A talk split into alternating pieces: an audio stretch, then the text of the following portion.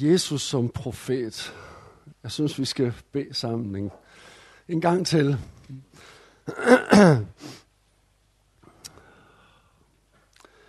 Jesus, vi takker dig for dit profetiske ord. Vi takker dig, fordi det skinner i hjertets nat, i kirkens nat, i mørkets nat. Og vi beder om, at det må skinne på os, så vi kan skænde på andre. Jesus, du kender situationen i vort folk. Du ved om alle dem, der ikke kender dig. Du kender situationen i vores kirke, de ting, der sker lige nu. Vi vil bede om, at dit ord må gå i arv og eje til vores børn, til de næste generationer, så vi kan gå på dine veje. Og Jesus, så vil vi bede om, at det her med den profetiske dimension i forkyndelsen, at vi her i løbet af i dag må, må komme ind under det og bare blive en smule klogere på, hvad det vil sige, og hvordan vi skal applicere og anvende det i vores liv og vores tjeneste. Vi har brug for dit lys over det, vi nu skal dele med hinanden. Amen.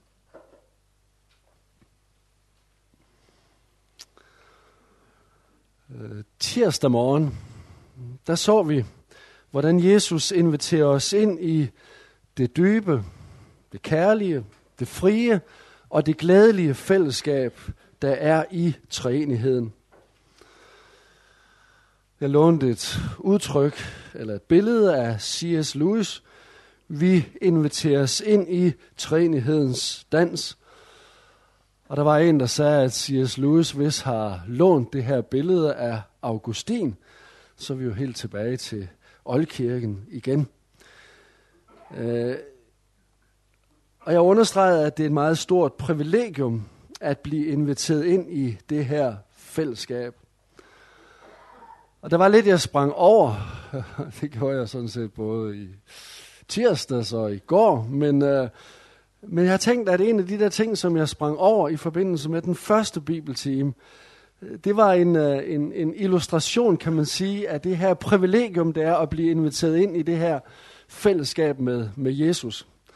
Jeg ved ikke, om der er nogen af jer, der bruger den her film, Jesus. Den hedder kun Jesus. Jeg bruger den ikke sådan øh, konsekvent i øh, konfirmandundervisning, men jeg viser nogle klip fra, fra den der film. Øh, jeg synes, det er et spændende billede, der tegner sig af Jesus. Han er, han er meget gladere og, og mere menneskelig end i Jesus af Nazareth, hvor han sådan går som i en tog indimellem, synes jeg. Men, men i den her film, der, der, der, der er Jesus øh, menneskelig, men jeg synes ikke, det kommer over. Øh, jeg synes, den er, den er ret god på mange måder. Og så er der en scene i den her film, som jeg holder enormt meget af. Det er der, hvor Jesus udvælger de 12 apostle. Øh, der er en hel flok af disciple, der har fulgt Jesus. Og Jesus, han står dernede ved søen. Jeg ved ikke, om han har gjort det i virkeligheden. Han er vel oppe på et bjerg, står det i hvert fald i Lukas. Men i filmen, der står han dernede ved søen. Og så kalder han hver enkelt disciple hen til sig. Og øh, det, der er så fantastisk i den her film, det er at se disciplenes ansigtsudtryk, når Jesus nævner deres navn. De, de smiler, de retter ryggen, de er stolte. Det er et privilegium at blive inviteret ind i fællesskabet med Jesus. Og jeg havde glædet mig til at dele netop det budskab med jer øh, tirsdag morgen. I går, der så vi så på Jesus som tjener. Jeg understregede især, at Jesus tjente ved at give sit liv som løsesum for mange. Og understregede, at Jesu tjeneste er motivationen og udgangspunktet for vores tjeneste. Jesus er først frelser og forsoner. Han er vores tjener. Øh, først derefter er Jesu tjeneste en model for vores tjeneste. Faktorernes orden er ikke ligegyldig i teologi. Det er de i matematik, indimellem i hvert fald. Men ikke i teologi, der er faktorernes orden ikke ligegyldig. I dag, der skal vi så se på Jesus som profet. Og jeg må indrømme, at jeg synes ikke, det er det letteste emne at gå til. Jeg er ligesom mere på hjemmebane, når jeg taler om Jesus som grundlægger af et fællesskab, eller når jeg tænker på Jesus som tjener. Jeg tror, jeg har holdt mange prædikener over Jesus som tjener. Men jeg har rådet lidt i min hukommelse, og jeg har ikke holdt rigtig nogen prædikener, tror jeg, om Jesus som profet. Jeg kunne i hvert fald ikke lige finde nogen. Det kunne have været meget praktisk, hvis man har haft et par stykker, så kunne man have sådan stykket lidt sammen, og så få en bibeltime ud af det. Øh, og det har jeg tænkt over, det er mærkeligt. Det kan godt være, at det bare er, er, er mærkeligt, og at, at I alle sammen har holdt masser af prædiken over Jesus som profet. Men det er faktisk lidt mærkeligt at tænke på, at jeg slet ikke har en eneste prædiken om Jesus som profet. Fordi det er jo et tema, der jævnligt dukker op i det nye testamente. Et par eksempler. Palmesøndag.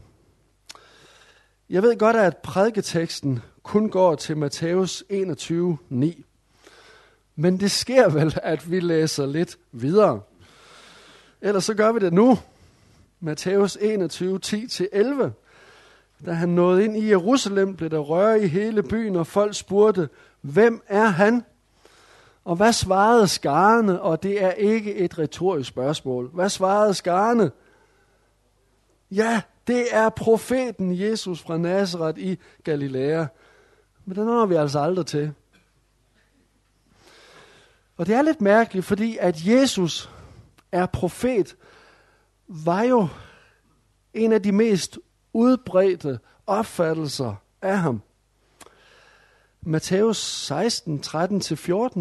Jesus spurgte sine disciple, hvem siger folk, hvem siger man, at menneskesønnen er? Og de svarede, nogen siger Johannes Støberen, og han er den sidste profet. Andre Elias, og andre igen Jeremias, eller en anden af profeterne. Et tredje eksempel, det er fra Johannes 6, hvor Jesus bespiser de 5.000. Og i vers 14, der har vi så folkets reaktion. Da folk havde set det tegn, han havde gjort, sagde de, han er sandelig profeten. Med stort P står det. Profeten, som skal komme til verden. Og det er jo meget naturligt, at folket i forbindelse med bespisningsundret får den tanke, at Jesus er den her profet med stort P. For deres tanker går naturligt tilbage til ørkenvandringen og Moses.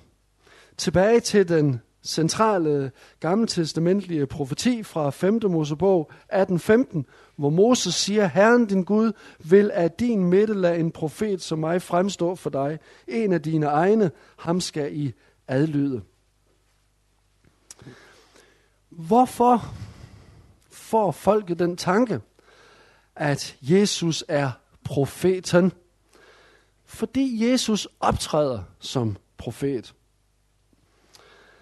Øh, jeg vil nævne øh, fire øh, eksempler på det. For det første, Jesus forkynder dom, ligesom de gammeltestamentlige profeter.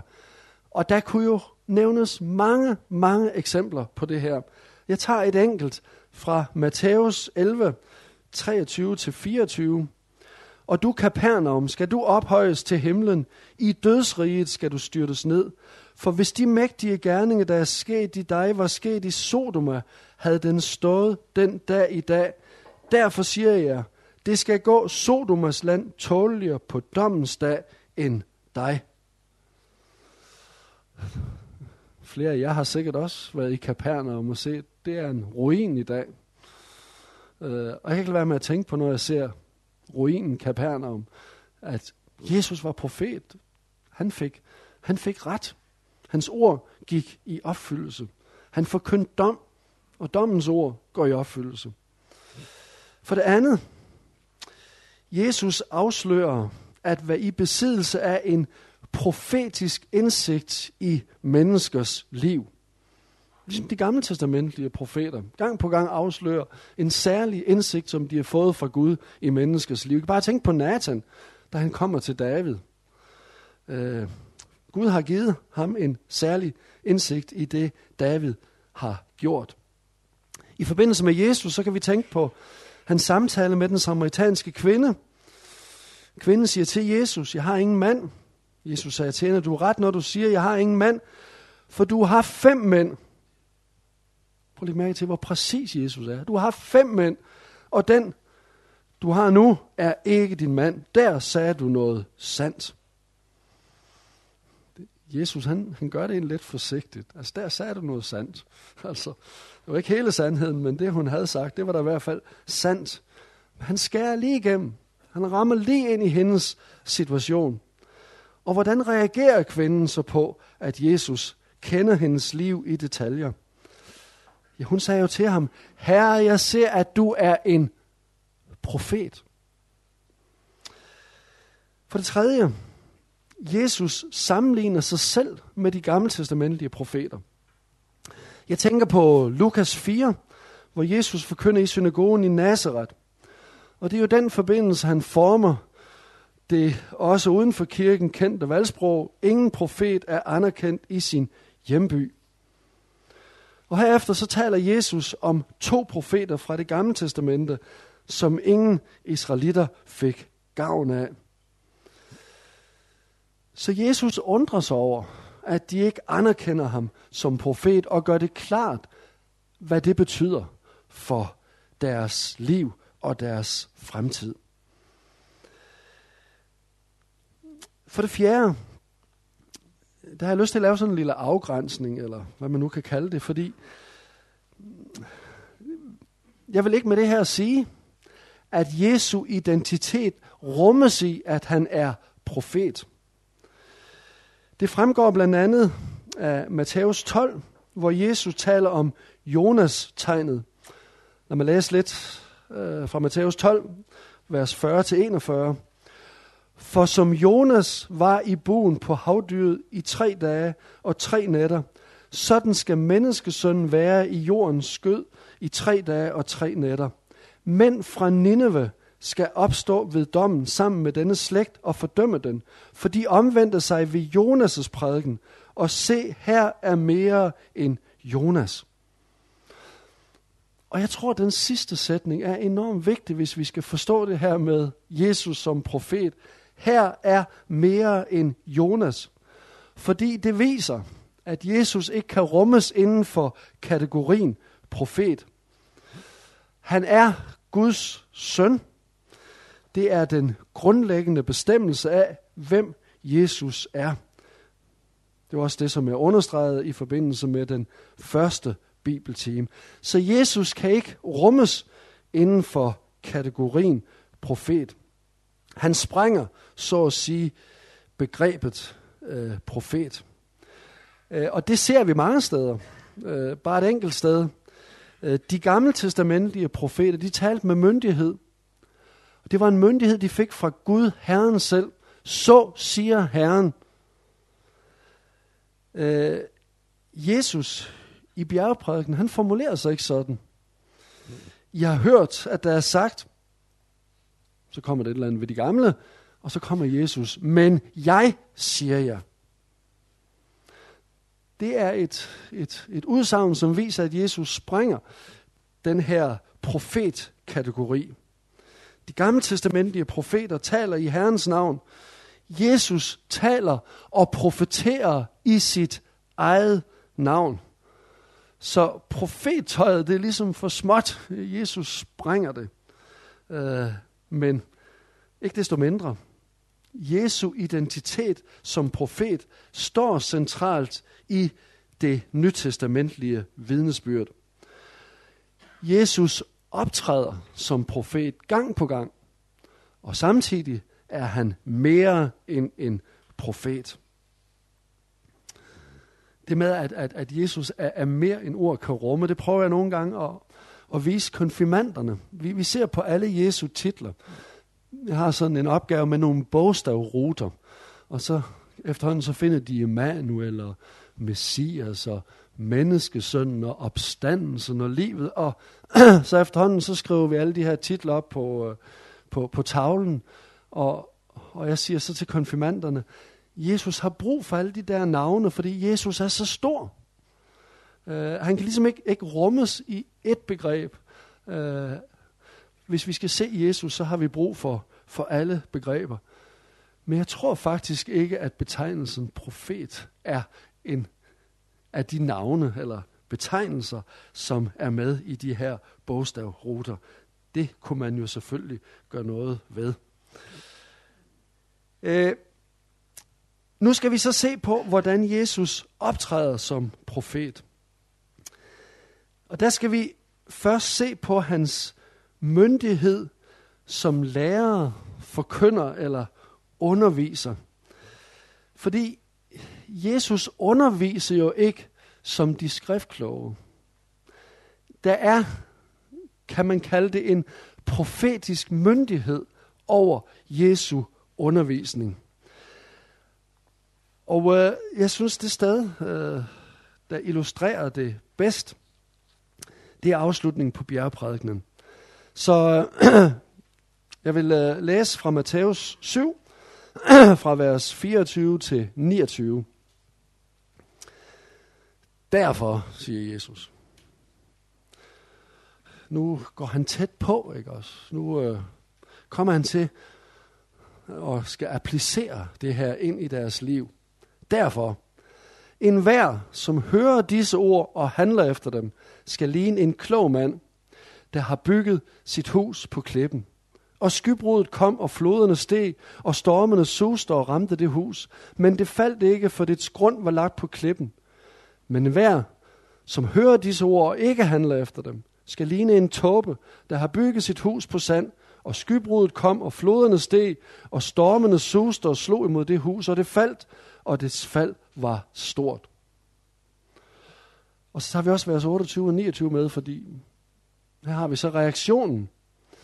Da Jesus var færdig med denne tale, var skarne slået af forundring over hans lærere, for han underviste dem som en, der har myndighed, og ikke som deres skrift kloge. Jesus har holdt en tale. Og hvilken tale? Øh, han var ikke forlegen ved at holde en tale. Han holdt en hel bjergprædiken. Og i den bjergprædiken, der optræder han som lærer med profetisk myndighed. Afslutningen på bjergprædiken viser tydeligt, at Jesus ikke er tilfreds med, at han har en masse tilhørere. Han stiller sig heller ikke tilfreds med, at tilhørende tilegner sig viden om bøn og fast og givetjeneste. Nej, det er ikke nok. Jesus vil noget mere. Han vil ændre menneskers liv. Og det er det her noget mere. Jeg kan ikke fange det ind tydeligere, men, men, men, men, men jeg tror, det er noget af det, der ligger i, at Jesus underviser som profet. Uh, jeg husker, at Bill Hybels engang beskrev forskellen på læreren og lederen på den her måde. Når læreren har undervist, så spørger han, hvordan gik det? Hvordan uh, klarede jeg det? Forstod folk, hvad jeg sagde? Altså læreren spørger, lykkedes det mig at formidle noget information på en fængende og forståelig måde? Det tror jeg er rigtigt et stykke af vejen. Lærere stiller sig tilfreds med, om de har fået formidlet budskabet. Men Bill Heibel siger så, at når lederen har undervist, så spørger han, handler folk på det, jeg har sagt? Lederen er ikke så optaget af, om folk de nu klapper og synes, det var godt. Lederen er mere optaget af, om det forvandler menneskets liv. Og menigheden, hvis det er menigheden, der har været tiltalt, om menigheden nu gør det, der er blevet sagt ud fra Guds ord.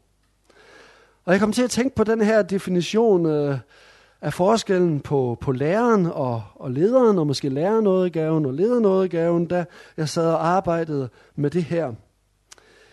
Fordi jeg tror, at i det stykke minder profeten mere om lederen end om læreren. Jesu undervisning er profetisk, fordi Jesus tydeligvis går efter at ændre menneskers liv gennem sin undervisning.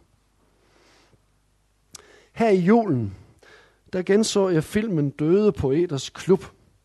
Og det hang sammen med, at vi havde besøg af svigermor, som kom til at sige, at den film havde hun aldrig set. Og jeg er engang kommet rigtig galt afsted med at vise en film til min svigermor. Fordi øh, Per Jul Carlsen, hører ikke nogen gange filmsanmeldelser på P1 Per Jul Carlsen. Som så har jeg et stort tillid til ham.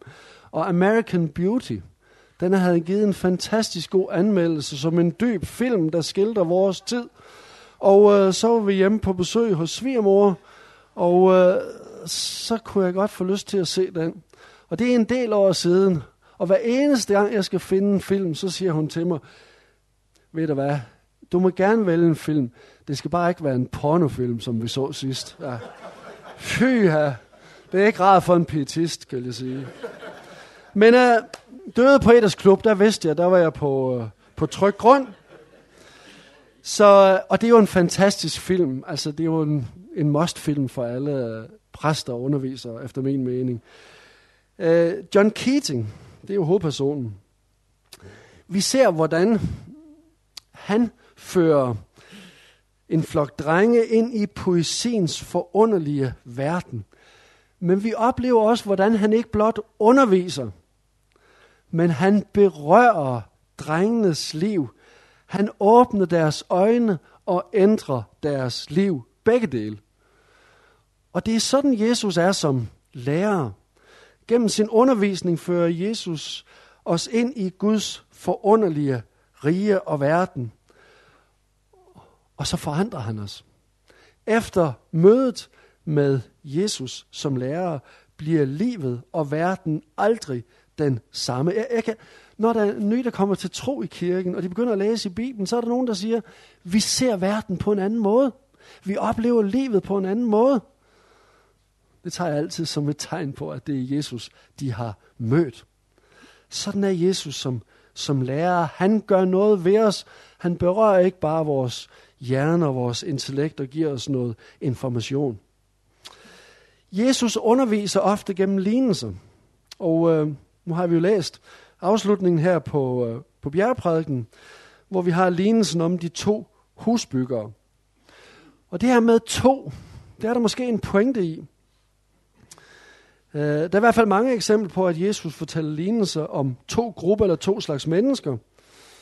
Vi kan tænke på lignelsen om de to sønner, ikke de to fortabte sønner, men den her ene søn, som først sagde nej til at gå hen i vingården og arbejde, så fortrød han sit nej og gik alligevel derhen. Og den anden søn sagde ja, men fortrød sit ja og blev hjemme og spillede Playstation i stedet for at gøre, som far sagde. Eller de ti brudepiger. De fem, de var kloge, og de fem var tåbelige, for de tog kun den olie med, der kunne være i lampen. Det er egentlig meget enkel teknik at bruge. Hvad er to slags mennesker? Hvem ligner du? Er du en tåbe? Er du klog? Det er jo næsten så enkelt, at vi nogle gange synes, kan vi gøre det? Kan vi afslutte prædiken på den måde? Der er to slags mennesker i det her lokale. Der er dem, der er på vej til himlen, der er dem, der er på vej til helvede. Men hvis vi gør det sådan, så kommer der en profetisk dimension ind over forkyndelsen. Så, så, så, bliver, så bliver folk stanset op. Så det bliver pludselig ikke bare teori og, og, og, og fine ord mere. Så, så, så, så skærer det igennem. Øh, de her to mænd, som vi hører om som afslutning på bjergeprædikenen. Den ene er klog, den anden en tåbe. Og hvad er det så, Jesus vil, vil sige gennem denne lignelse? Uh, ja, hvad vil han sige? Lad os bare tage de her tre punkter, som jeg har skrevet op. Det, som Jesus vil sige til tilhørende, det er, at de alle er i gang med at bygge et hus. Huset bruges som metafor for vores liv. Vi er i gang med at leve vort liv og sætte os nogle spor. Men det vil Jesus sige, det jeg har sagt her, det er relevant for alle. Ingen af jer, der har hørt bjergeprædiken, vil Jesus sige. Ingen af jer, der har hørt den prædiken, kan sige, jeg har ikke gang i noget. Jeg holder mig udenfor. Jesus vil sige, at være passiv, det er også at bygge et hus. Jesu lignelse minder næsten om den klassiske historie om de tre små grise. Hver gris bygger et hus. Den første gris bygger med hø og strå. Den anden bygger med træ, og den tredje gris bygger et hus af sten. Ligesom torvet. De byggede på hver sin måde, men de byggede alle tre. Og en dag fik de små grise besøg af den store stykke ulv. Alle tre hørte den høflige anmodning om at få lov til at komme ind. De to små grise, de havde aldrig tænkt på den store stykke ulv, mens de byggede. Men dagen kom jo, hvor han bankede på, og kun det hus, der var bygget af sten, kunne holde ham ude. Jesus afsluttede sin bjergprædiken med lignelsen om de to husbyggere, fordi han vil have tilhørende til at reflektere over det, de har hørt. Jesus ønsker, at de skal spejle deres liv i det, han har sagt. De er ved at bygge et hus. Hvad så det her med ulven? Jamen det er jo så det andet punkt. De bygger nu, nogle af dem bygger med træ og hø og strå, og nogle bygger med, med sten. Det Jesus så vil sige, det er, at stormen kommer. Ulven kommer. I Jesu lignelse, der er det stormen.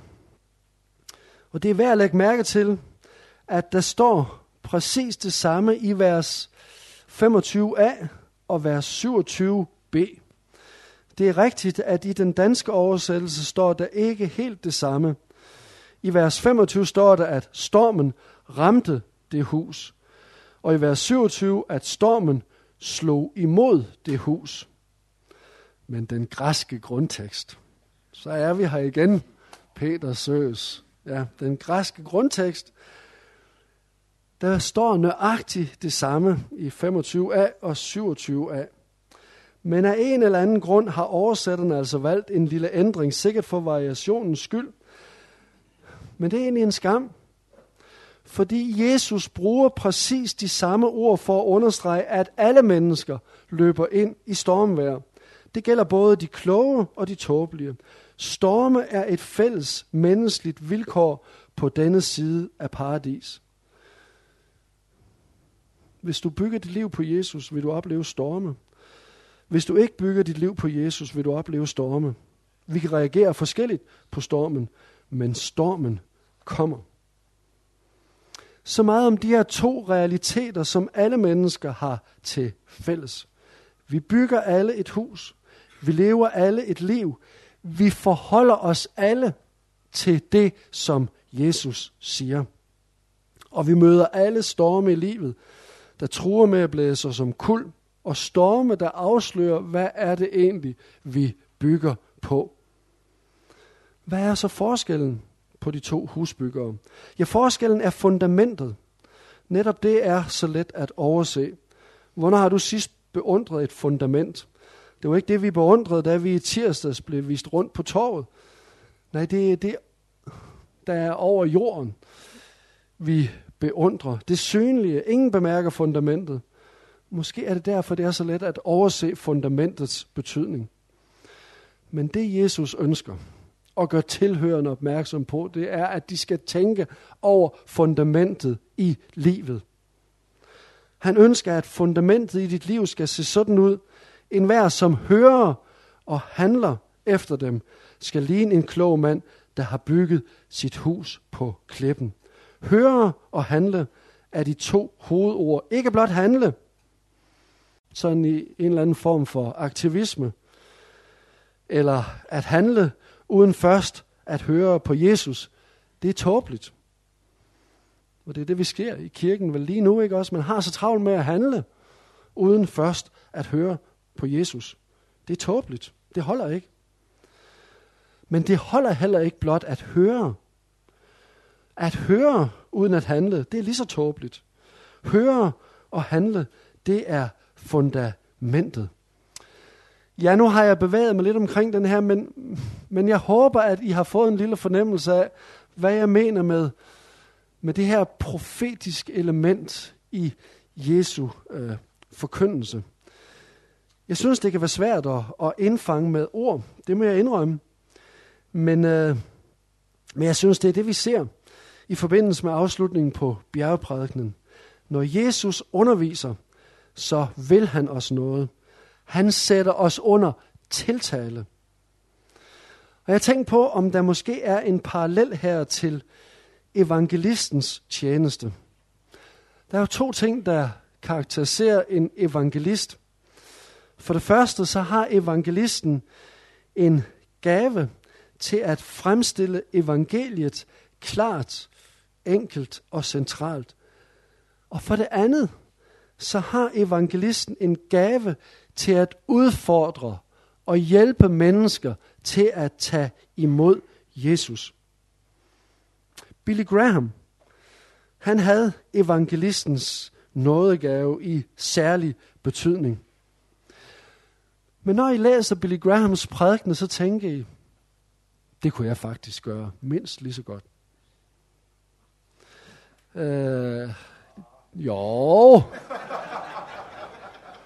Det tænker du, Esper. Hvor mange prædikener har du læst af Billy Graham? Nå.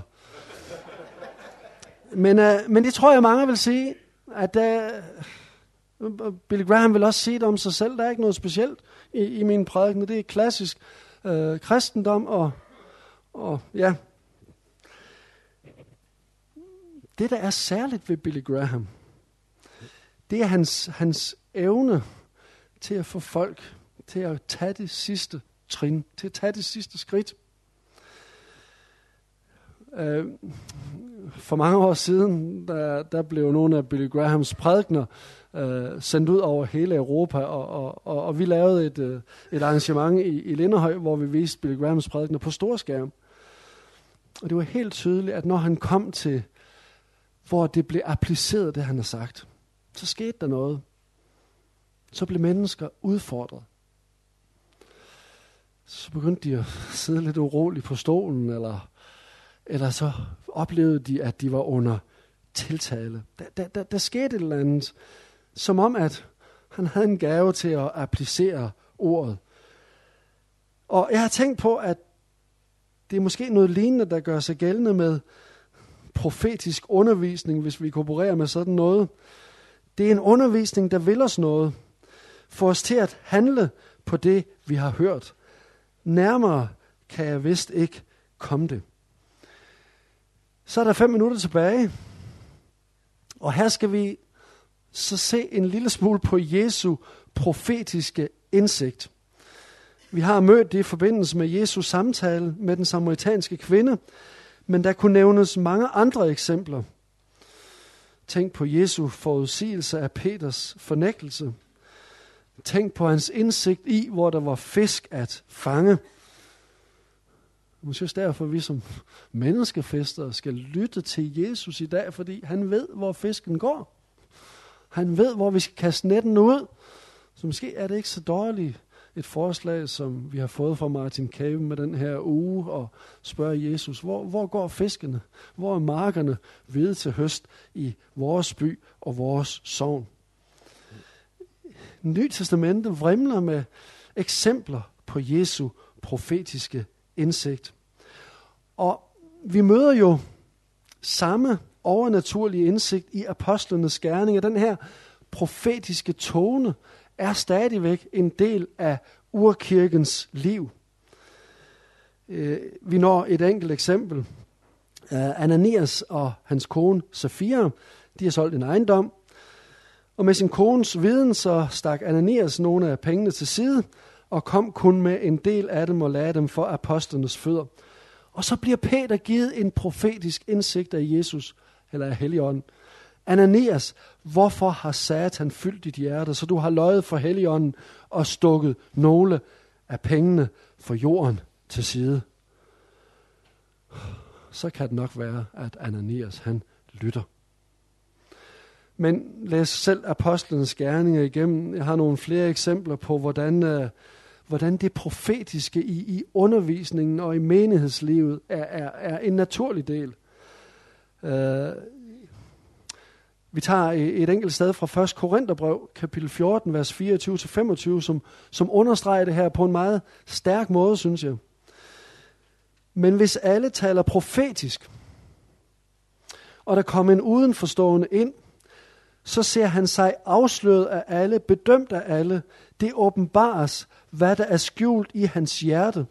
Og så vil han falde på sit ansigt, tilbede Gud og udbryde, Gud er virkelig hos jer.